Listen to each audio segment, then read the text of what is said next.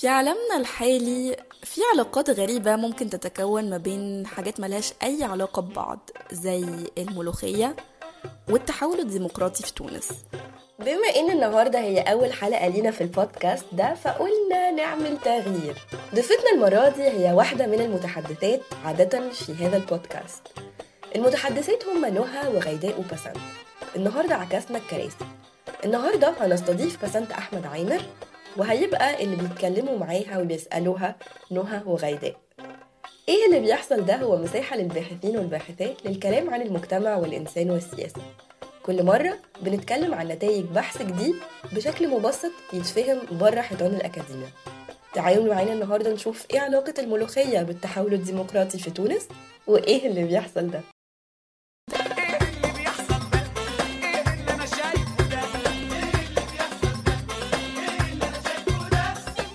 أهلا أهلا أستاذة بسنت عامر خريجة آه، جامعة القاهرة كلية الاقتصاد والعلوم السياسية والحاصلة على درجة الماجستير من الجامعة الأمريكية.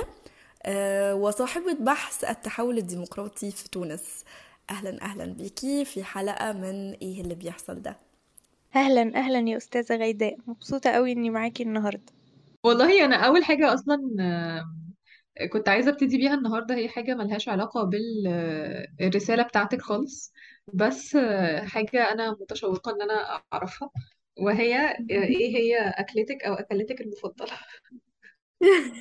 وده سؤال جدي إيه اللي ويا ريت اوحالك تجاوبي بسؤال عليه زي ده؟ بنفس الجدية اللي عشان هتجاوبي عليها. جعانه يعني؟ الأسئلة أنا لسه مخلصة أكل والحمد لله فيعني أوكي. آه، مفيش أي آه، أهداف خفية ورا ده. بس أنا متحمسة جدا إن أنا أعرف إيه وجباتك جدا و- وبعد كده ندخل في الموضوع على طول. بحب الملوخية قوي. أنا بحب الأكل المصري التقليدي. يعني ما بحبش قوي ال... أصيلة. عمري عمري ما حبيت السوشي عمري ما حبيت ال- مش عارفة إيه الحاجات دي. لأ بحب الأكل المصري المطبخ العادي. فأنا كنت بحب من تيتا الله يرحمها عليها ملوخية كانت رائعة. وبعدين ماما بقى ورثت المهارة دي بس بدرجه أقل من تيتا شوية بس لأ حلوة برضو. فأنا بحب الوجبة المثالية بالنسبة لي هي ملوخية آه، صينية بطاطس ورز. امم يا سيدي يا سيدي. سلام. حاجة مم. بس لأ آه. بالنسبة لي دي حاجة عظيمة يعني. خطير. طب وهل الله دوقتي ال- الملوخية ال- يعني أنواع الملوخية الأخرى اللي بتتعمل في البلدان العربية زي مثلا لبنان أو تونس أو كده؟ لأ لأ. بيعملوها ما إزاي تقريبا أعتقد آه، بيعملوها ورق كده سمعت؟ ملوخية ده جافة أعتقد في بقى ولا الشام إيه؟ بتبقى أكتر آه من ناحية الأوراق أكتر منها الصوص ال- يعني لايك ال أو الشوربة شوية اللي إحنا بنعملها. وأعتقد أعتقد في تونس هم بيطبخوها آه، يعني على عدد ساعات طويلة جدا. مم. فمثلا ممكن تسع ساعات أو 12 ساعة أو حاجة. و... وبيبقى طعمها حاجة تانية خالص غير الملوخية بتاعتنا. ف... فيعني ما أعتقدش جربتها ان الناس ممكن يعجبها الاتنين. أنا بالنسبة لي ما كانتش وحشة كانت أقرب شوية شوية للخبيزة عندنا. بس مم. بس يعني دي حاجة تستدعي برضو الاستفهام كده اللي هو إزاي الشعوب العربية بتطبخ الملوخية هو أنا عندي سؤال دلوقتي هل تونس اتسمت تونس الخضراء علشان هما مثلا كان عندهم ملوخية كتير مثلا؟ يعني طب إيه وكل سبب المحاصيل الملوخية بس التورس الخضراء. لا أكيد أعتقد يعني مش عشان هم عشان عندهم الشجر مثلا؟ لا آه لا لا لا خالص عشان الملوخية. الملوخية. نهى أنتي بتقولي إيه بس الملوخية طبعا؟ بس إيه يا جماعة اللذاذة اللي إحنا فيها دي بجد؟ إيه اللذاذة دي؟ ده إيه اللي إيه اللي طيب speaking of تونس بقى يا باسنت البداية كانت إن انت مهتمة بال... بتونس نفس نفسها ولا بال... بالقضية بتاعة التحول الديمقراطي أو الديمقراطية واصلة لفين وهكذا؟ يعني اشرحي لنا كده بداية اختيار أصلا. اي اهتمامك بالموضوع أو اختيار الموضوع قبل بقى ما ندخل في الموضوع. okay. آه اهتمامي بالموضوع كان جا من إيه؟ أنا عامة آه، من ساعة الثورة وأنا بحب تونس بحب أتابعها وكانت البلد الوحيد اللي بتديني أمل في هذه المنطقة العربية الحزينة. ف... فكنت من فترة تانية بحب أتابع إيه اللي بيحصل عندهم. وبعدين لما جاء وقت إن أنا أكتب ال- رسالة الماجستير فكان في تفكير في حاجات كتيرة. يعني كان عندي أفكار كتيرة قوي وحاجات بعيدة خالص عن الموضوع ده. ولكن آه كنت قبلها في ال semester اللي قبلها كنت خدت آه، course عن ال democratization واستمتعت بيه جدا واستمتعت بال readings آه وكان في actually يعني في من ضمن الأسابيع اللي درسنا فيها درسنا عن democratic regression. آه بس كان لافت انتباهي إنه أغلب الحاجات ال case studies أو ال theories اللي في الموضوع ده بتبقى based على ال ال البلاد اللي هي تعرف ببلاد الموجة الثالثة للديمقراطية اللي هم شرق أوروبا وأمريكا اللاتينية. فكان أغلب ال articles أو الأبحاث المكتوبة عن الموضوع ال democratic regression ده كانوا بيشوفوا ليه الديمقراطية فشلت أو بتتراجع في البلاد دي. كانش في حاجة عن الدول العربية تقريبا خالص يعني. آه وبعدين آه حصل بقى في تونس آه قيس سعيد آه يعني هو اسمه قيس سعيد بس يعني أنا مصرية فهقول قيس سعيد. آه نجح في الانتخابات وكان شخص محبوب جدا والناس كلها كانت مبهورة بيه وما إلى ذلك. وبعدين جه في 25 يوليو 2021 خد مجموعة من القرارات كده غريبة. ومن ساعتها هو الوضع في تونس مش مطمئن. فأنا كان ده البازل بالنسبة لي إنه حاجة interesting إن أنا أفهم هو ليه ده حصل وإزاي. آه ليه البلد الوحيدة اللي نجحت فيها الثورة بشكل نسبي يعني في العالم العربي؟ إيه اللي بيخليها تتراجع دلوقتي بعد عشر سنين بالظبط؟ ليه؟ إيه اللي حصل خلال العشر سنين دول خلاها توصل للوضع الحالي؟ رغم إنها عدت ب... بمشاكل كتير بس قدرت تتجاوزها زي مثلا لما حصل في 2013 ال... كان في يعني توتر قوي جدا بين النهضة وبين باقي الأحزاب الليبرالية أو العلمانية. ومع ذلك النهضة اللي هو كان يتخطوا ساعتها الأزمة. الحزب الحاكم. آه، النهضة ساعتها كان حزب الأغلبية في البرلمان آه وكان باقي القوى اللي تسمى علمانية أو يعني ممكن نقول إن هي غير إسلامية بس مش علمانية بالمعنى ال- المعروف. ولكن قدروا يتجاوزوها آه، بالعكس آه، قدروا يتجاوزوها بنجاح و... وطلع بقى كتابات كتيرة قوي عن ليه إخوان تونس مختلفين عن إخوان مصر ليه الإسلاميين في تونس أكثر ذكاء وبلا بلا بلا. والكوارتات اللي عملوا التفاوض بين الإسلاميين والعلمانيين خدوا جايزة نوبل. فكانت لحظة آه، احتفالية جدا بنجاح تونس في تخطي الأزمة. طب ليه في عشرين واحد وعشرين جه رئيس قلب كل ده مرة واحدة وقلب الترابيزة وقال مفيش حد هيحكم هنا غيري وطز فيكم؟ ليه؟ مم. بما إن أنتي بتشوفي التراجع الديمقراطي في تونس إيه هي العلامات بتاعتنا. بتاعت إن في عندنا نظام أو دولة ديمقراطية. طبعا هي كلمة ديمقراطية يعني مصطلح واسع ويشمل حاجات. كتير وممكن نقول إن هي بتختلف حسب ال- ال- البلاد أو المناطق. بس بشكل عام اللي هي زي ما أنتي بتقولي دلوقتي مثلا ال- الفرق ما بين الاستبدادي مثلا أو الاوتقراطي والديكتاتوري إن التلاعب بالانتخابات مثلا بشكل أوضح أو بشكل أقل. حاجات زي كده لو قلبناها الناحية التانية إن العلامات الفلانية بتقول لنا إنه أوكي تقريبا في نظام هنا ديمقراطي. فإيه مم. هي شواهد النظم الديمقراطية بشكل عام؟ اللي على أساسها بقى قدرتي تشوفي إن لأ الحقيقة في تراجع ديمقراطي في تونس محتاجين نقف عند وقفه أم، بصي في حاجات في ال في الأدبيات نظريات بتديكي indicators معينة وحاجات كده دقيقة بس بس الحاجات دي دايما بتبقى outdated وبتظهر حاجات كتيرة غيرها تزود عليها أو تنقص منها وكده. فخلينا نفكر بشكل ال ال الأعم يعني بدل ما نفكر في indicators محددة. أه، أنا بالنسبة لي الدولة الديمقراطية دي أه، هي دولة بيكون للمواطنين فيها حق اختيار من يمثلهم. وفي نفس الوقت بيكون ال- الحق ده متجدد. بمعنى إيه؟ بمعنى إن المجتمع المدني فيها بيكون آه، مجتمع مدني قوي وفعال. لو الناس لقت إنه في مرحلة ما آه، الناس اللي في البرلمان دول بطلوا يمثلوهم بشكل كويس هم يقدروا إن هم بش... من خلال مش من خلال المظاهرات بالضرورة بس من خلال قنوات آه، للتعبير عن احتجاجهم. يعني منظمات غير حكومية يعني أحزاب يعني نقابات وهكذا.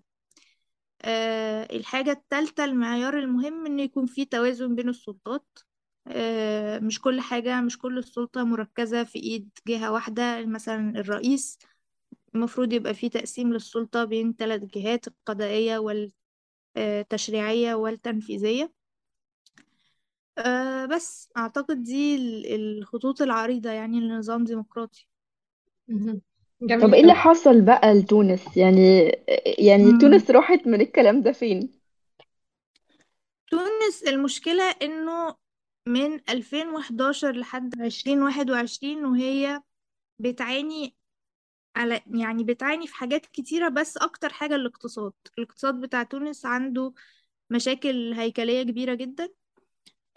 بسبب عوامل كتيرة بس لو عايزين نقولها اختصارا أهمها آه، تفشي الفساد آه، في نفس الوقت اللي السياسات النيوليبرالية مسيطرة جدا على الاقتصاد التونسي. ف آه، في مشاكل اقتصادية قوية جدا في بطالة آه، نسب عالية جدا. آه، وفي بقى في ظل الكلايمت ال- المناخ ال- المتأزم ده اقتصاديا في طول الوقت آه، توتر بين القوى السياسية. ف وده وصل ل- لأقصاه أو لقمته في الفترة اللي قبل آم، لو سميناه يعني آه، كوديتا ممكن نسميه انقلاب قيس سعيد ممكن نسميه آه، قراراته غير الديمقراطية. إيه اللي حصل في عشرين واحد وعشرين بالذات؟ تصاعدت جدا الخلافات آه، جوه البرلمان. آه، البرلمان كانت أغلبيته حزب النهضة بس كان في في نفس الوقت أحزاب آه، ليبرالية أو علمانية فعالة جوه البرلمان ليها وزنها وصوتها. بس كانوا بيمثلوا قوى تقدري تقولي إنها برضو متطرفة شوية. مثلا في حزب رئيسته اسمها عبير موسي هي. آه، الحزب بتاعها ده بيمثل عناصر كبير كتير من نظام بن علي السابق. والحزب ده كان عنده مثلا 17 مقعد في البرلمان. عبير موسي كانت مثلا آم، تصرفاتها استفزازية جدا جوه البرلمان. كانت طول الوقت بتقطع الجلسات. كانت طول الوقت لدرجة إن في مرة اتخانقت مع آه، ممثل لحزب تاني إسلامي اسمه حزب الكرامة فضربوا بعض. أو هو ضربها يعني. جوه جلسة البرلمان. شفتوا الخيانة يا توانسة شفتوا؟ هاي سيدي هاك حارة الخوانجية هي بيدها الحارة. هايك الحارة هي بيدها. هاو جيبوا كعيبات طيروا بهم آه، العيد هاي سيدي تفضل هاي.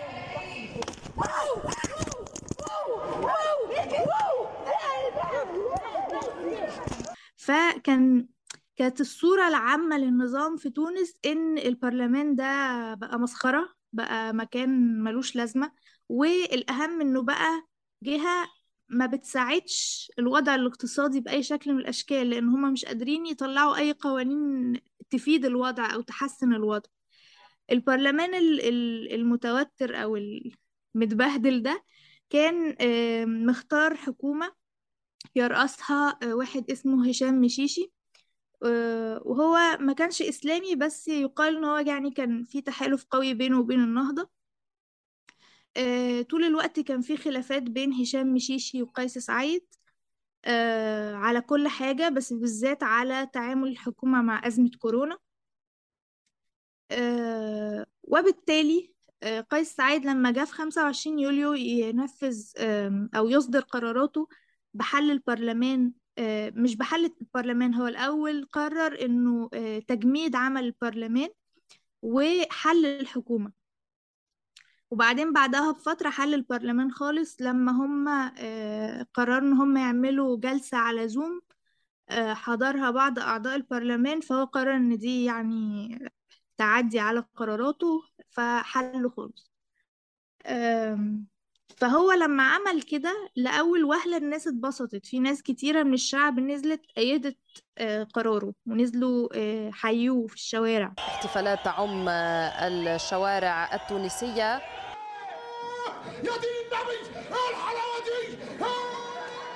كانوا فرحانين لأن هم كانوا حاسين إن النخب السياسية اللي ظهرت من ساعة 2011 لحد دلوقتي هي نخب غير كفءة على أقل تقدير أو مم. آه، علشان حتى ما نقولش إنها فاسدة في ناس بتقول إنها فاسدة بس هم مم. الأغلبية بتقول إن هم ناس ما عندهمش كفاءة إن هم يتعاملوا مع التحديات اللي ظهرت بعد الثورة وبالتالي هم نخب سياسية خذلت الشعب وزي ما يكون الناس مصدقت يتخلصوا منه. ف...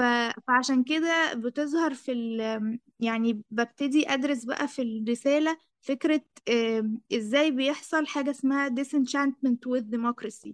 يعني إيه الحاجات اللي ممكن تؤدي لأن الناس تفقد إيمانها في الديمقراطية.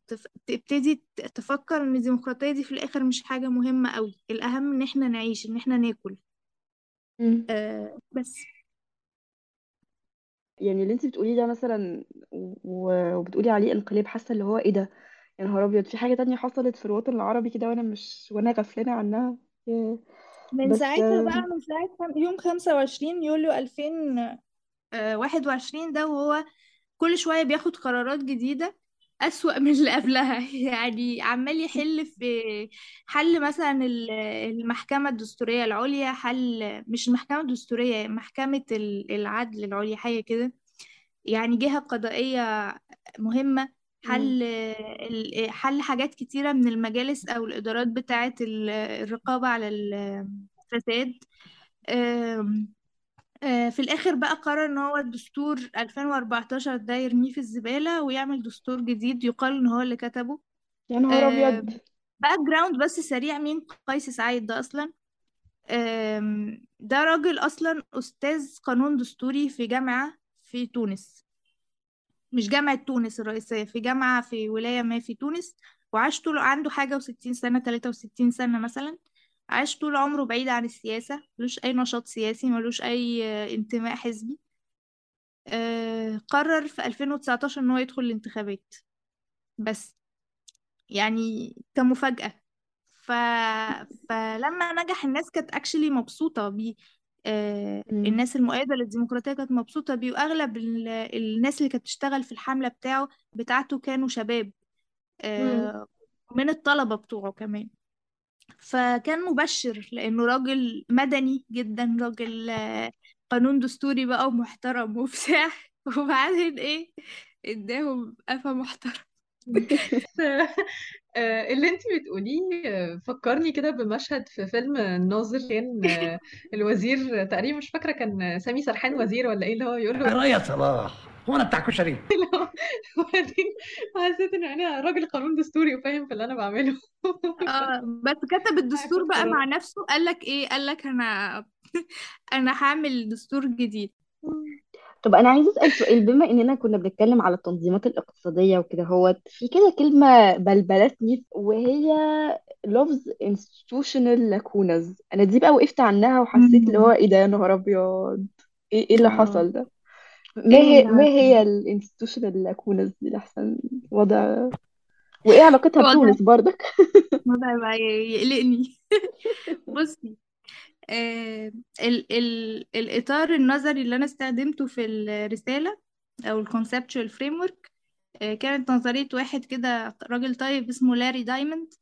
كان حاطط آه خمس عوامل آه بيشوف إن التفاعل بينها هو اللي بيؤدي للتراجع الديمقراطي. فأول عامل فيهم هو ال institutional context بتاع البلد. هو كان بيقول باختصار إن ال- ال- المؤسسات الديمقراطية لما تكون ضعيفة آه، ويقصد بقى بالمؤسسات الديمقراطية دي الأحزاب المجتمع المدني الإعلام القطاع الخاص. آه، بيقول لما الحاجات دي تبقى ضعيفة وحالتها بالبلة فده أكيد هيؤدي لتراجع ديمقراطي which makes sense يعني حاجة منطقية. بس الموضوع ما كانش بالبساطة دي في حالة تونس. الوضع المؤسسي في تونس كان آه كويس ما كانش وحش. يعني كان معقول. آه كأحزاب فأنت عندك مش كل الأحزاب قوية قوي بس عندك أحزاب قوية. يعني أنت عندك حزب النهضة ده قولي زي ما أنت عايزة عليه بس هو حزب قوي. آه عنده جذوره من الستينات في البلد. فعنده قاعدة قوية جدا من الأعضاء عنده حضور قوي آه، عنده نظام تنظيمي داخلي كويس. كله آه، يعني يعتبر لا يعتبر حزب قوي ومحترم. آه، المجتمع المدني فأنت عندك مجتمع مدني. vibrant جدا ونشيط جدا وعندك حاجة زي ال UGTT اللي هي النقابة العامة للعمال في تونس. حلو نقابة قوي قوية جدا فيها مليون عضو. لو عايزة توقف البلد بكرة تقدر توقفها. فلا عندك مجتمع مدني معقول. وهكذا عندك ميديا آه، في جزء منها. مستقل جزء مش مستقل وهكذا. ف فده كان بيتعارض مع اللي دايموند بيقوله. دايموند بيقول إن لازم يبقى الوضع المؤسسي منهار بس هو مش منهار. في تونس. اللي اللي حاصل في تونس هو إن في ثغرات. ثغرات. الله إيه ده إيه ده. ثغرات. أيوه يعني احكي إيه بقى ثغرات احكي لك بقى يا ستي. مثلا الدستور بيقول في 2000 الدستور 2014 آه، اللي هو دستور برضو محترم جدا وتوافقي جدا. يعني as a side note. آه، بيقول إن لازم يبقى في محكمة دستورية عليا. دي حاجة منطقية ومهمة وبتحصل في كل البلاد يعني. هل بقى في تونس في محكمة دستورية عليا؟ لا. ليه يا ولاد؟ ليه؟ علشان منصوص في الدستور إن لازم ثلاث أعضاء من من المحكمة الدستورية العليا يختارهم البرلمان. من 2014 ماشي لحد 2021 وهم مش عارفين يتفقوا على الثلاث أعضاء دول. وبالتالي مفيش محكمة دستورية عليا. فإيه اللي حصل بقى يا ولاد؟ إحنا قلنا إن قيس سعيد ده مين يا ولاد؟ ده راجل بتاع إيه؟ بتاع قانون دستوري. قانون دستوري. أيوه. صحيح فهو قرر إن هو يستغل هذه الثغرة وبما إنه مفيش محكمة دستورية عليا فأنا هفسر بقى الدستور على كيفي. أنا راجل أستاذ أوبا. قانون دستوري الله أكبر. ويعني أكيد أفهم اللي أنتوا حاجات لازم تبقوا عمد عشان تفهموها. أنا ما انقشراش كرومبا ولا أقول يتنفذ يا حضرات الم... المستشارين.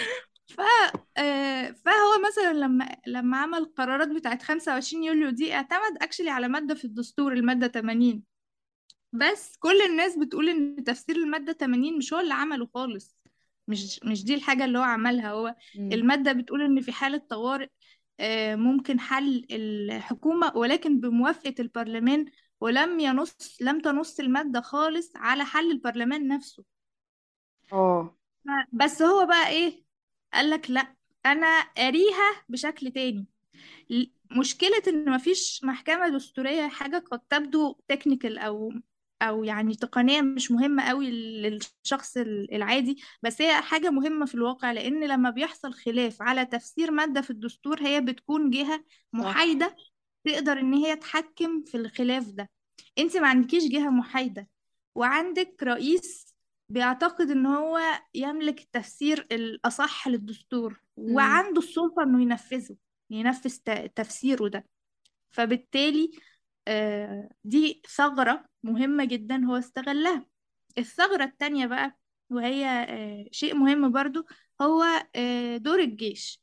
الجيش في تونس جيش غير سياسي. لما حصلت ثورة 2011 آه، تضامن مع الشعب ضد بن علي ولكنه لم يحكم بمجرد ما بن علي مشي آه، الجيش تراجع لسكناته مش عارفة إيه حكاية الثين معاه. بس هو في الآخر جيش يعني معروف عنه إن هو على عكس الجيوش في المنطقة العربية جيش غير مسيس. ولكن هل عدم تسييسه ده في الحالة حالة تونس كانت حاجة إيجابية ولا لأ؟ مم. نقدر نقول إنه كان الظاهر إنه يعني اللي يشوف من بره كده يقول آه الجيش ما تدخلش في ال في ال في الوضع أو في الأزمة اللي عملها قيس سعيد بس اللي يدور شوية يلاقي إنه مثلا لما طلع قرار آه، توقيف أو تجميد البرلمان مين اللي نفذ القرار ده قوات الجيش مم. آه، لما تشوفي شوية كمان تلاقي إنه من ساعة 2021 لحد دلوقتي أعداد المحاكمات العسكرية زادت للمدنيين اللي بي بينتقدوا الرئيس وقراراته فبالتالي تقدري تقولي إنه عدم التسييس ده كان ثغرة أو كان آم، يعني زي ما تقولي camouflage كده. للحاجة الحقيقية اللي هي actually تدعيم أو الموافقة على. قرارات آه، قيس سعيد. وبعدين بتلاقي بقى في دراسات في ناس عملت مثلا استفتاءات أو interviews مع كوادر من الجيش التونسي متقاعدين مثلا أو كوادر عليا أو كده فلقوا إن في آه، إجماع بين كتير منهم إن هم فعلا كانوا مخنوقين جدا من النخب السياسية اللي كانت آه، موجودة وكانوا مبسوطين بقرارات قيس سعيد. ف... امم ف...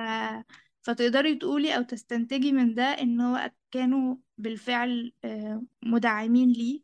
ودي حاجة برضو ثغرة تانية مؤسسية هو استغلها. ده هي يعني أنا حاسة من اللي انت بتقوليه مش حاسة إن هو الجيش ما كانش مسيس بالعكس أنا حاسة إن هو ال- اتجاهه كان واضح جدا جدا وداعم لقيس سعيد يعني مش هو مش واقف على الحياد هو بي بس من بره من بره تقدري تقولي إنه مثلا الجيش ما ما تدخلش مثلا في إن هو يفض مظاهرات امم مثلا. okay. يعني لأ ما منعوا نفسهم إن هم يدخلوا للدرجة دي. مم. اللي تولى ده الشرطة عادي. إنما إنما هم عملوا حاجات بس من ورا كده. مم، يعني تدعم موافقة ضمنية أكتر منها إن آه ده المرشح بتاعي مثلا أو ده يعني خلاص محدش يقرب منه وهكذا. ف لكن آه يعني بنساعد على إن من تحت لتحت زي ما بتقولي آه، خلاص إحنا يعني متفقين مع القرارات دي وما عندناش مشكلة معاها وبالعكس ممكن نساعد بطرق إيه خفية كده شوية على إن هي يتم تنفيذها يعني.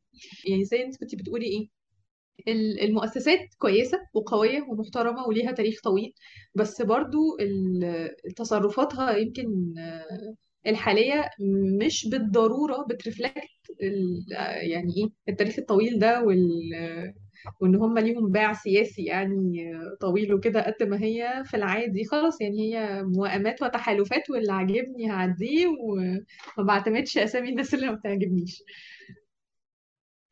بصي هو في حاجة من ال findings المهمة اللي لقيتها من خلال البحث اللي عملته ده ودي كانت حاجة برضو بالنسبة لي أنا كانت مفاجأة يعني. آه إنه طول الوقت إحنا بنتكلم إنه علشان التجربة ديمقراطية تنجح لازم يبقى فيه توافق وفي تمجيد قوي لكلمة التوافق دي طول الوقت. ولكن اللي حصل بقى في تونس لو إحنا هنتكلم عن آه، إيه الحاجات اللي, اللي أخفقت فيها النخب السياسية في تونس فهي آه، على عكس برضو اللي بيتقال في الميديا أو في في بعض الأبحاث كل الناس تقول إنه السبب اللي حصل في تونس هو ال polarization كل الناس تقول لك في استقطاب عنيف قوي بين الإسلاميين والعلمانيين. آه على فكرة لأ ما كانش فيه استقطاب. يمكن كانوا هما بيصدروا ده طول الوقت للناس. آه بيصدروا الخناقات بيصدروا الخناقات مثلا على مواد الدستور اللي فيها الإسلام ومش عارفة إيه. بس لما انت تيجي تبصي مثلا على دستور 2014 ما كانش فيها أي حاجة مثيرة للجدل بخصوص الإسلام ودوره في المجتمع وكان في توافق بدرجة كبيرة عليه. آه، لما تيجي تشوفي بقى ودي الحاجة ال- اللي بالنسبة لي كانت آه، فارقة جدا. كل الحكومات اللي جت من ساعة 2014 لحد دلوقتي وكل البرلمانات اللي اتكونت هي آه، برلمانات قايمة على الأغلبية ال grand coalition اللي هي الأغلبية الكبيرة. يعني كلها كتل آه، مكونة من عدة أحزاب مختلفة. فتلاقي إن كل كل البرلمانات عملت إيه؟ يكسب فيها مثلا في 2014 نداء تونس. نداء تونس دول كانوا يمثلوا القوى العلمانية آه، وفي 2014 كسبوا أغلبية في البرلمان ورئيس الحزب بقى رئيس الجمهورية اللي هو السبسي فكانوا في 2014 وصلوا يعني قمتهم في في في البلد. واصلا خطابهم كله قايم على العداء للنهضة. يعني الناس أصلا انتخبتهم عشان ما كانوش طايقين النهضة. فيقوموا أول حاجة يعملوها أول ما يدخلوا البرلمان يكونوا تحالف مع النهضة. طب ليه يا عم الحاج؟ يعني أنت أنت مستفيد إيه؟ لا هو كده إحنا بقى هم فكروا إيه اللوجيك ورا ده؟ إن إحنا لما نعمل تحالفات كبيرة فإحنا مش هنتحط تاني في خلاف يوصلنا للحظة 2013 دي تاني. هم كان عندهم رعب من من امم 2013 لأن هي كانت لحظة فارقة في تاريخ ال- التحول الديمقراطي. فهم عايزين يعني يعملوا أي حاجة عشان إيه يليسوها كده. انه إن إحنا نعمل أي حاجة بس بالتوافق. ما نطلعش قرار أو قانون من البرلمان غير لما نبقى كلنا موافقين عليه. ده عمل إيه بقى؟ ده عمل مشكلة كبيرة جدا. إن انتي لازم كل قراراتك يكون خصومك السياسيين موافقين عليها رغم الاختلافات الكبيرة اللي بينكم لمجرد إن أنتوا جوه تحالف آه، برلماني واحد. يعني مثلا آه، في 2015 م- الفترة بين 2015 و 2017 حزب نداء تونس ده معروف إنه هو آه، عدد كبير من أعضائه كانوا رموز من النظام بن علي. آه، ف يعني عملوا مشروع قانون آه، اسمه المصالحة الاقتصادية. اختصارا إيه هو؟ إنه الناس اللي عليها قضايا فساد من عهد بن علي يدفعوا فلوس ويشوفوا حالهم بقى, بقى نسقط القضايا وخلاص. آه، القرار فضل بقى مشروع قانون يتناقشوا فيه كتير وما إلى ذلك. النهضة المفروض إن هم كانوا من أكبر أعداء نظام بن علي. فموقفهم المفروض إن هو يكون رفض قاطع للقانون ده ولكن هم في تحالف مع نداء تونس. مش عايزين يخسروهم عشان نداء تونس أغلبية. ففي الآخر في 2017 طلع القانون بالصيغة مخففة إن هو مش هيبقى ال... الناس الرجال الأعمال أو الفاسدين أو الرموز الكبيرة للنظام بس هيبقى مثلا الموظفين الحكوميين اللي كانوا مضطرين للفساد يدفعوا غرامة وخلاص دي مس... ده مثال لحاجة مهمة جدا اللي هي إيه؟ إن أنت لما بتبقي جوه آه، تحالف من قوى سياسية المفروض إن هي مضادة لبعضها بيخليهم آه، غير قادرين على التنافس السياسي. فأنت لما بتبقي غير قادرة على التنافس السياسي ما بتقدريش تطلعي قوانين تعبر عن مختلف احتياجات المجتمع.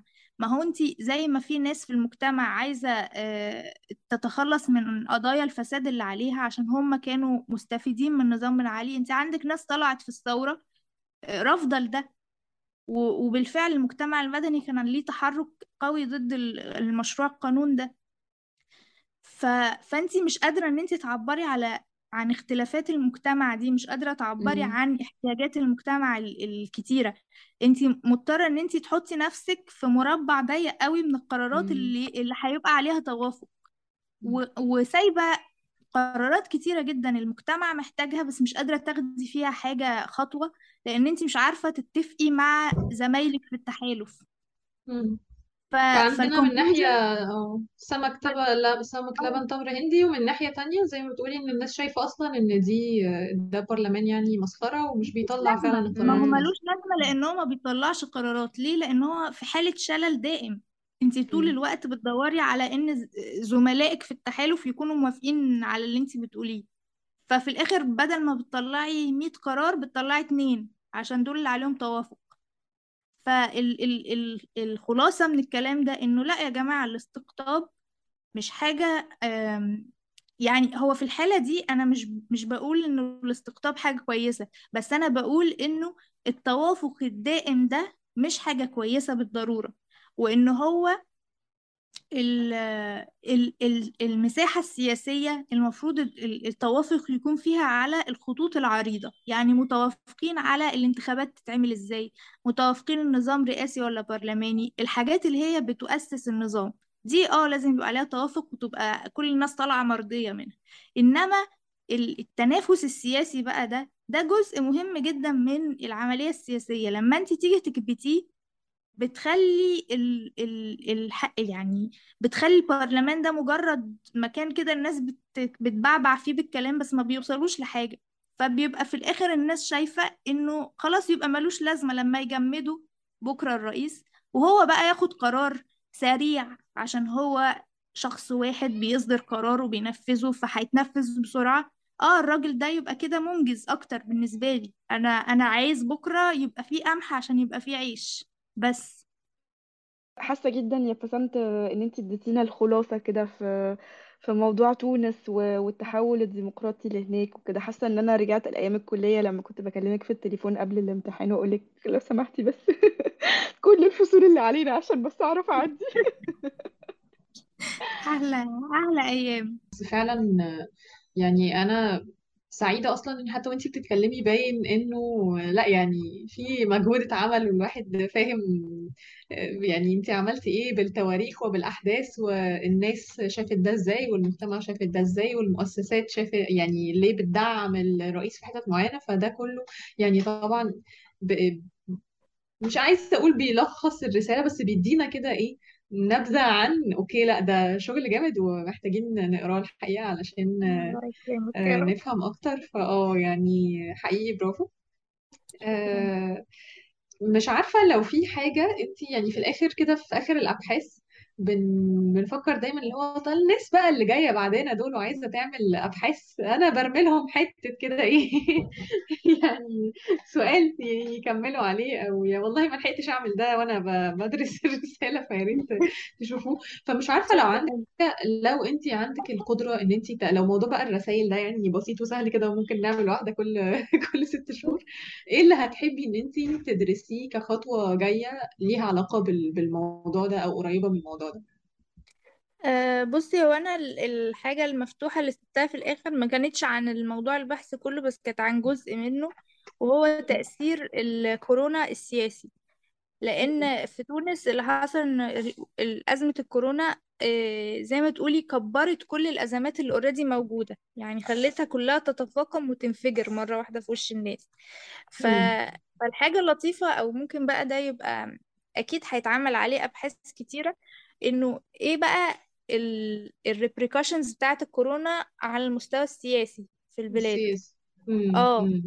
إزاي ال- الكورونا أثرت على ديمقراطية بعض الدول؟ آه، هل خلت الأوضاع فيها تتدهور؟ طب إيه الأوضاع إيه ال- إيه الحالات اللي ما تدهورتش فيها؟ بالعكس وهكذا. فبالنسبة لي ده ممكن يكون السؤال ده للأبحاث سؤال جامد جدا. للمستقبل إن شاء لأن الله. مم. الغالبية فعلا بتروح ناحية النواحي الاقتصادية يعني لأسباب واضحة وصريحة أو بالظبط. الأسباب الصحية وهك أو ال- قصدي التداعيات الصحية لكن فعلا مش بنسمع قوي عن كي إزاي الجائحة أثرت على النظم السياسية في العالم وحياة الشعوب. فده سؤال جامد جدا الحقيقة. شكرا جزيلا يا أستاذة بسنت على اللقاء المليء بالمفاجآت من ثغرات ومن آه، ثكنات والكثير من البلبلة والحديث من الملوخية لغاية التحول الديمقراطي في تونس. شكرا جزيلا لمستمعينا إن هم كملوا 35 دقيقة من اللت والعجن وبعض الأوقات الحاجات المهمة. نستناكم في حلقة جديدة من إيه اللي بيحصل ده.